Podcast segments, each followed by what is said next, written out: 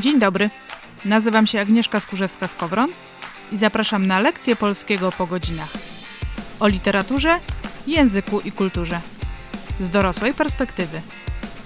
No bo w końcu, jak zachwyca, skoro on nie zachwyca?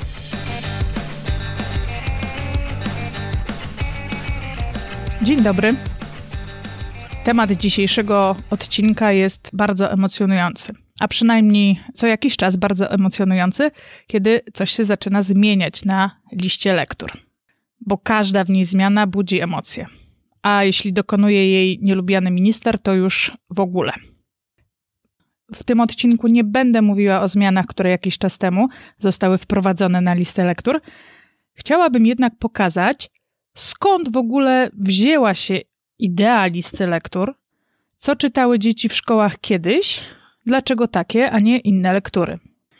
Taka perspektywa może pomóc nam oswoić się z myślą, że lista lektur, nie mylić z kanonem literatury, zmienną bywa i taki już jej los, a ważniejsze jest zupełnie co innego. Najpierw odrobina historii. Lista lektur szkolnych to stosunkowo nowy wynalazek. Jako taka w polskiej szkole pojawiła się po 1918 roku, czyli po odzyskaniu niepodległości. Co było wcześniej? Zacznijmy od oczywistej oczywistości, że umiejętność czytania nie była czymś powszechnym. Dostęp do książek również, zwłaszcza do momentu pojawienia się książek drukowanych, a i po tym momencie to również nie było coś oczywistego. Pierwsze szkoły na ziemiach polskich pojawiły się w X wieku i były to szkoły przyklasztorne lub parafialne, a ich głównym celem było przygotowanie chłopców do stanu duchownego. W związku z tym czytać uczono w nich na księgach Pisma Świętego i na innych pobożnych czytankach.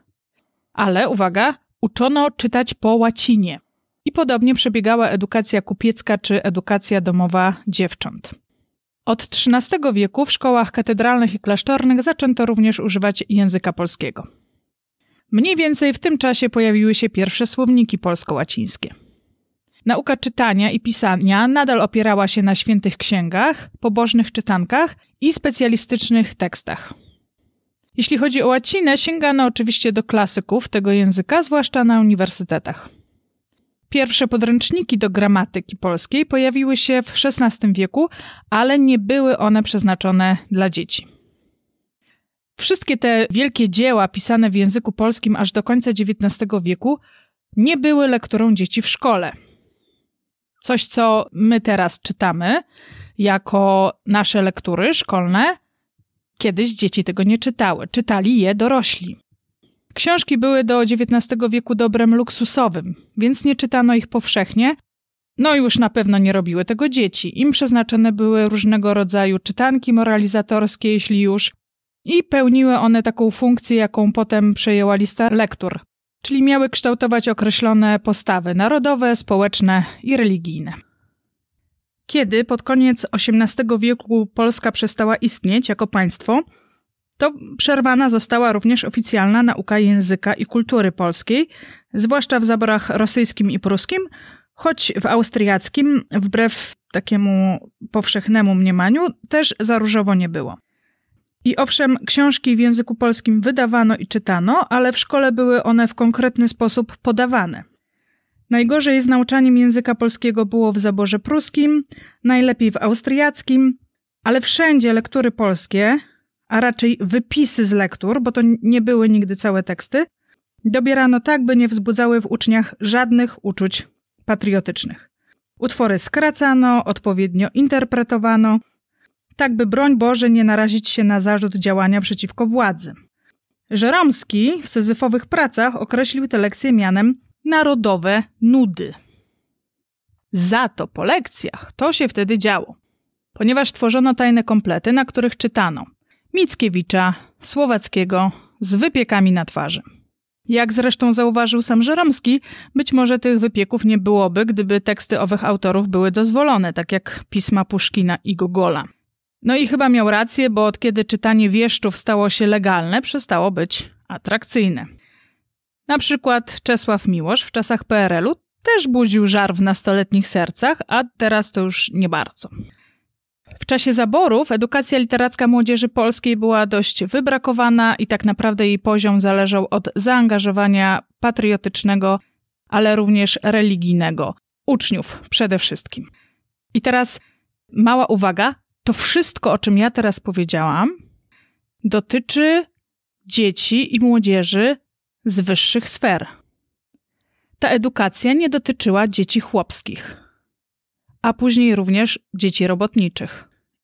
I o tym trzeba bardzo pamiętać i mieć to na uwadze, kiedy porównujemy naszą listę lektur, nasz system nauczania, czy w ogóle poziom czytelnictwa, nasz mówię o Polski w naszym kraju, na przykład do tego, co się dzieje w Norwegii.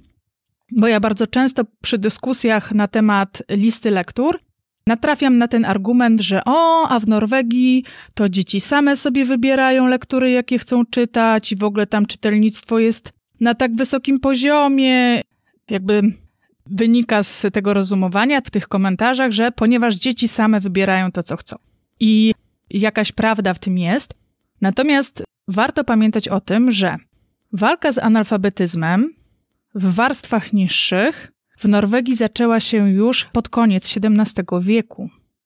I w Norwegii bardzo duże nakłady były przeznaczane właśnie na edukację, na kształcenie, na uczenie tych podstawowych umiejętności czytania i pisania w tych warstwach niższych.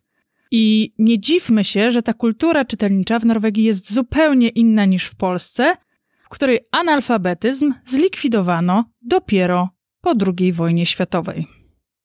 Nasza kultura czytelnicza to jest, no już teraz jakieś 70 lat. A w Norwegii to kilka wieków, więc nie porównujmy się.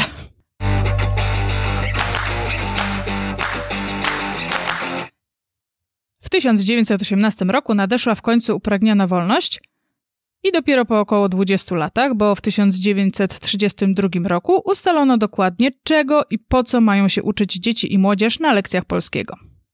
Dotyczyło to również lektur. Ich dobór przez wiele lat zależał od typu szkoły, że o pomysłach pedagogów na temat tego, czemu mają służyć lektury szkolne, nie wspomnę.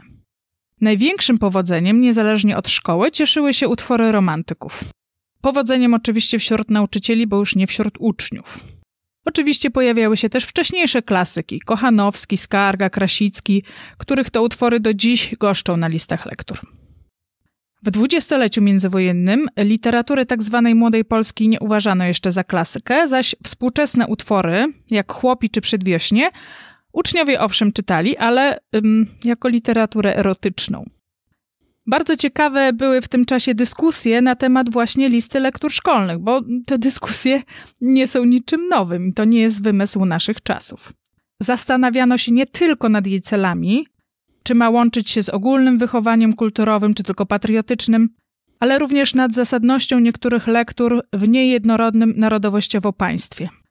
Na przykład wątpliwości wzbudzało przerabianie ogniem i mieczem na kresach, gdzie przecież mieszkali Ukraińcy. Zauważono również, że choć celem nauczania języka polskiego i kultury polskiej było wspieranie poczucia jedności narodowej wśród różnych klas społecznych, to na liście lektur dominowały utwory przedstawicieli kultury szlacheckiej, a tę ludową marginalizowano. Po reformie 1932 roku do lektur szkolnych włączono również klasyki literatury światowej, właściwie europejskiej. Na topie były również pisma Józefa Piłsudskiego, bynajmniej nie z powodów literackich. Lista lektur była naprawdę spora, tak spora, że mało kto dał radę przeczytać to wszystko. W związku z tym rozwijała się produkcja wszelkiej maści streszczeń, bryków i ściąg. I to był naprawdę dochodowy biznes, a wśród tworzących te pomoce naukowe byli m.in.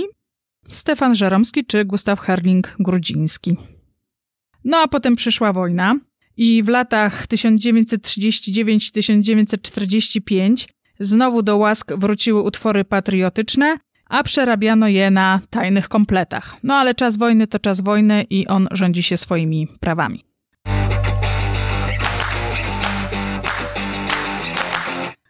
Wojna się skończyła, nastały nowe czasy i w 1947 roku zrewidowano listę lektur pod kątem ideologicznym. I tak jak podczas zaborów obcinano pazur wielu utworom i zmieniano w ten sposób ich wymowę, by jak najmniej kojarzyła się z kulturą polską, tak w czasach PRL-u właściwie wszystko podporządkowane zostało ideologii komunistycznej. To właśnie wtedy na liście lektur pojawiły się pozytywistyczne i naturalistyczne nowele. Lalkę zaczęto odczytywać jako powieść o walce klas, zdegenerowanej arystokracji z czystym moralnie proletariatem. Utwory średniowieczne i renesansowe dobierano tak, by osłabić ich religijny wydźwięk. Promowano te teksty, w których pojawiała się krytyka kościoła itd. Tak Nawet jeśli na liście pojawiały się utwory niepomyśli władzy, interpretowano je w odpowiedni sposób, wyśmiewając, pokazując jako przykład negatywny. I to spotkało m.in. wiele utworów młodopolskich. W okresie stalinizmu wśród lektur gościły dzieła oczywiście Stalina, Lenina czy opowiastki o Dzierżyńskim. Tak jak wcześniej, w dwudziestoleciu międzywojennym, na listach lektur mieliśmy teksty Piłsudskiego. Oczywiście nie porównuję y, tych postaci do siebie, pokazuję tylko, że każda epoka ma swoje ideologiczne nastawienie, stąd czasem znajdują się na liście lektur takie, a nie inne utwory. Po odwilży lat 50. młodsi uczniowie mogli już czytać Pinokia, utwory Ewy Szelburg-Zarębiny, Marii Konopnickiej, Jana Brzechwy czy Juliana Tuwima. Wartości literackie nie były w czasach PRL-u najważniejsze, jeżeli chodzi o listę lektur. Znaczy, było to ważne, ale literaturę należało czytać w jakimś celu. Na przykład, by pamiętać o niemieckiej krzywdzie, stąd medaliony by zobaczyć upodlenie szlachty i złą dolę chłopów pod panami. Antek, Janko Muzykant, Anielka, by wzbudzić ducha służby narodowi, ludzie bezdomni. Oczywiście najatrakcyjniejsze dla uczniów było to, czego nie można było czytać oficjalnie i co przerabiało się na tajnych lekcjach po lekcjach. W latach 80. zaczęto odchodzić od ideologicznego naznaczenia lektur i wówczas pojawili się na liście Mrożek, Herbert czy Miłosz.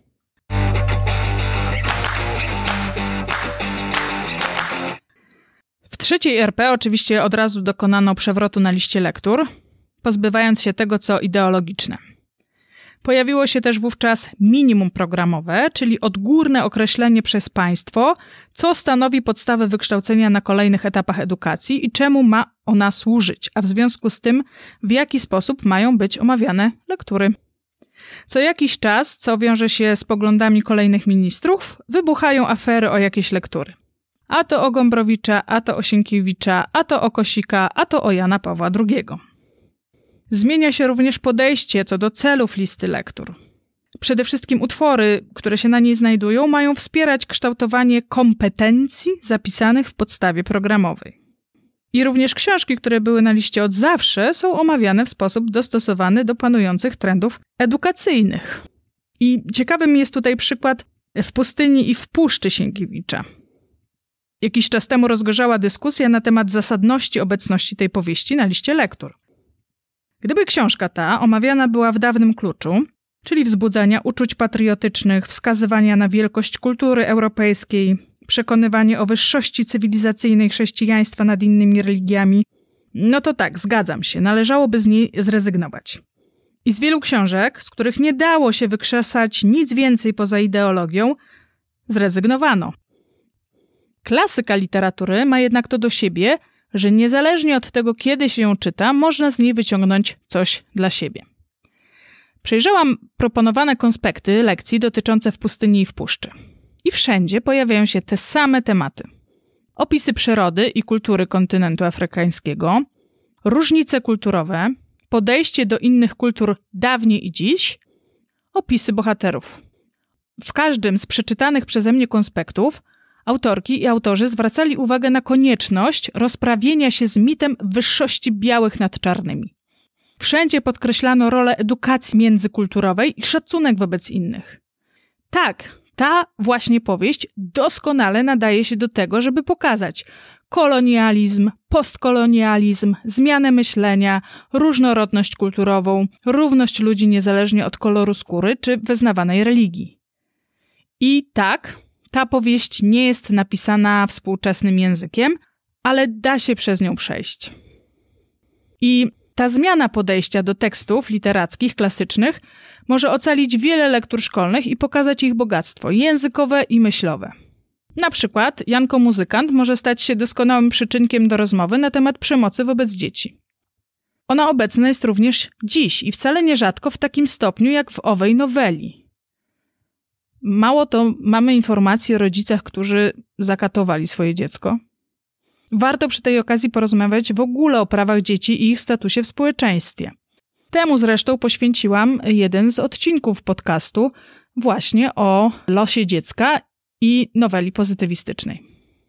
Dalej, treny Kochanowskiego mogą być przyczynkiem do rozmowy o tym, jak mówić o śmierci. Czym jest śmierć dla bliskich i jak można pocieszyć kogoś po śmierci bliskiego. Już pomijam fakt, że to również może być ciekawa rozmowa w fikcji literackiej, ponieważ nie wiadomo, czy Orszulka w ogóle istniała i czy Kochanowski jej nie wymyślił. Ale również o fikcji i budowaniu swoich historii w dzisiejszych mediach społecznościowych, o kreowaniu swojego wizerunku, tak jak to bardzo prawdopodobne zrobił Kochanowski. Dalej mamy cierpienia młodego Wertera. No, idealny przyczynek do rozmowy o samobójstwie, o problemach zdrowia psychicznego. E, lalka Prusa. Podwójne standardy kulturowe wobec kobiet i mężczyzn. I znów mówiłam o tym w jednym z pierwszych odcinków podcastu. Ferdydurkę Gombrowicza. Tutaj można porozmawiać o sensie uczenia się w ogóle i o kwestionowaniu zastanych prawd. Ja naprawdę mogę tak jeszcze długo wymieniać. Największym problemem nie jest bowiem to, co jest na liście lektur, tylko to, jak się o tym mówi i czy omawiane teksty mają dla uczniów w ogóle jakieś przełożenie na ich rzeczywistość. Jeśli nie mają, no to trudno im się dziwić, że samo Słowacki wielkim poetą był, ich nie zachwyca i rwał sobie włosy z głowy, wołając za Gałkiewiczem: Jak zachwyca, skoro nie zachwyca? Tu jeszcze dochodzi kwestia estetyzacji literatury, gdzie wartościowe jest tylko to, co się nam podoba. I ja w wielu miejscach wspominałam, że mnie Mickiewicz nie zachwyca, a jednocześnie znam wartość jego tekstów dla literatury i kultury polskiej. Potrafię wskazać, co w poszczególnych tekstach jest yy, no, wybitne, ale też potrafię uzasadnić, dlaczego mi się nie podoba. A to też jest sztuka, której niestety się nie wymaga. Bo uczniowi ma prawo nie podobać się lektura. Znaczy, każdemu z nas ma prawo nie podobać się to, co żeśmy przeczytali. Uczeń ma prawo się męczyć przy lekturze. Ma nawet prawo nie doczytać jej do końca lub nie przeczytać w ogóle. Dobrze jednak, jeśli potrafi wskazać, co konkretnie mu się nie podoba. Trochę wtedy problem, jeśli dotyczy to całej listy lektur.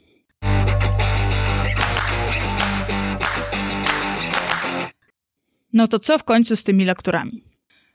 Lista lektur stale będzie się zmieniać. Jedne teksty będą z niej wypadać, pojawią się nowe albo wrócą jakieś stare. Zmieni się sposób rozmawiania na temat znanych utworów. I to jest zupełnie normalne. Tak było, jest i będzie. Lektury szkolne, zwłaszcza na tym późniejszym etapie, nie mają na celu zachęcania do czytania. To jest ten pierwszy etap edukacji. One mają na celu edukację językową i kulturową, a przede wszystkim kształtowanie umiejętności krytycznego, czyli świadomego czytania, o czym często mówię. W czym wspiera właśnie namysł nad tekstem, analizowanie go, również negatywne. Czytanie starych tekstów to jest również doskonała edukacja językowa.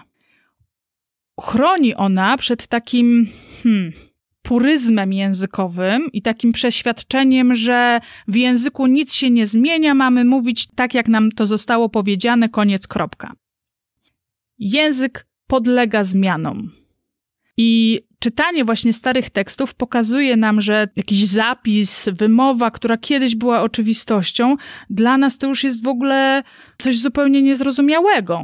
I często, jak widzimy stare zapisy, to mówimy, ej, to błąd, ale nie tak wtedy się pisało. I kiedy mamy tę świadomość, to zupełnie inaczej podchodzimy do tak zwanych błędów językowych. Ja nie mówię tu od razu, że należy mówić czy pisać niechlujnie, ale no, nie mamy w sobie takiego ech, zacietrzewienia. I teraz wracając do listy lektur szkolnych, po to w szkole poznaje się różne typy tekstów, omawia się je, wskazuje na sposób wpływania na odbiorcę, by potem, teoretycznie, dorosły już człowiek umiał zobaczyć te same mechanizmy wpływu w tekście, w internecie, czy w filmie na YouTubie, czy TikToku. Bo to są dokładnie te same mechanizmy. Marketing nie wymyślił niczego nowego, czego nie było wcześniej w literaturze. Nie mam problemu z tym, że komuś nie podoba się lalka, którą ja uważam za jedną z najwybitniejszych powieści w ogóle. Mam problem z tym, że mało kto potrafi uzasadnić, dlaczego mu się coś nie podoba. Samo nie podoba się, nudne, nie jest żadnym uzasadnieniem. Zastanowienie się, co konkretnie mi nie pasowało, to właśnie świadome czytanie, które kształtuje świadomych odbiorców, mniej podatnych na manipulacje, tak bardzo obecną dzisiaj.